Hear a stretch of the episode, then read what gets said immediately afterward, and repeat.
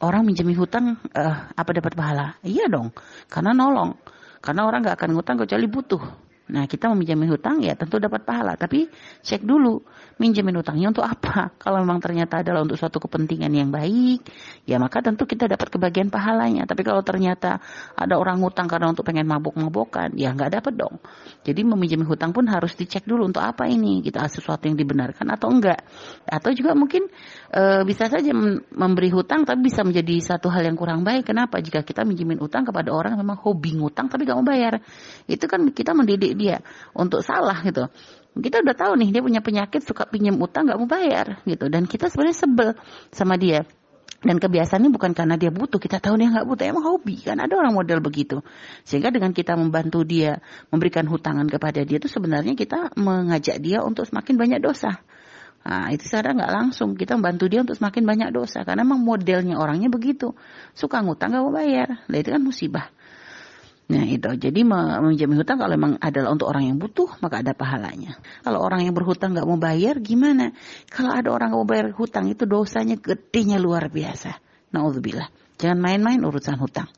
Jadi kalau ada orang minjem hutang nggak mau bayar, dosa gede dia. Tapi pun dilihat dulu, gak bayarnya ini karena apa? Kalau memang gak bayarnya karena gak bisa, ya gak bisa dipaksa dong mau diperes nggak mungkin juga gitu loh. Jadi kita harus memaafkan atau menambah tempo.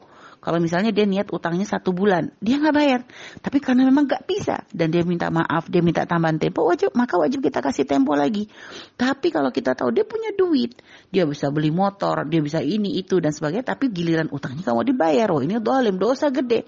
Cuma kita bagian orang yang memberikan hutang ya kita doa minta ampun, kita mintakan kepada Allah ampunan untuk dia kasihan. Itu rangkaian sengsara dunia akhirat itu nggak akan bahagia hidupnya kalau memang seperti itu. Jadi itu ya. Selanjutnya orang yang berhutang nggak niat mau bayar ya sudah itu urusan dia dengan Allah. Anda bukan urusan untuk mencaci dia, untuk merendahkan. Cuma nanti menjadi satu pelajaran. Lain kali kalau dia berhutang mungkin bisa menjadi satu catatan ya. Artinya e, kalau memang ternyata memang model orang seperti ini menjadi suatu catatan bagi kita mungkin untuk ya kita mungkin bisa lebih selektif lah dalam memberikan hutangan. Tapi kalau ternyata sudah ada hutang memang tidak dibayar ya Anda pasrahkan kepada Allah, minta Allah kepada Allah pengganti yang lebih baik lagi. Semoga diganti dengan yang lebih baik lagi.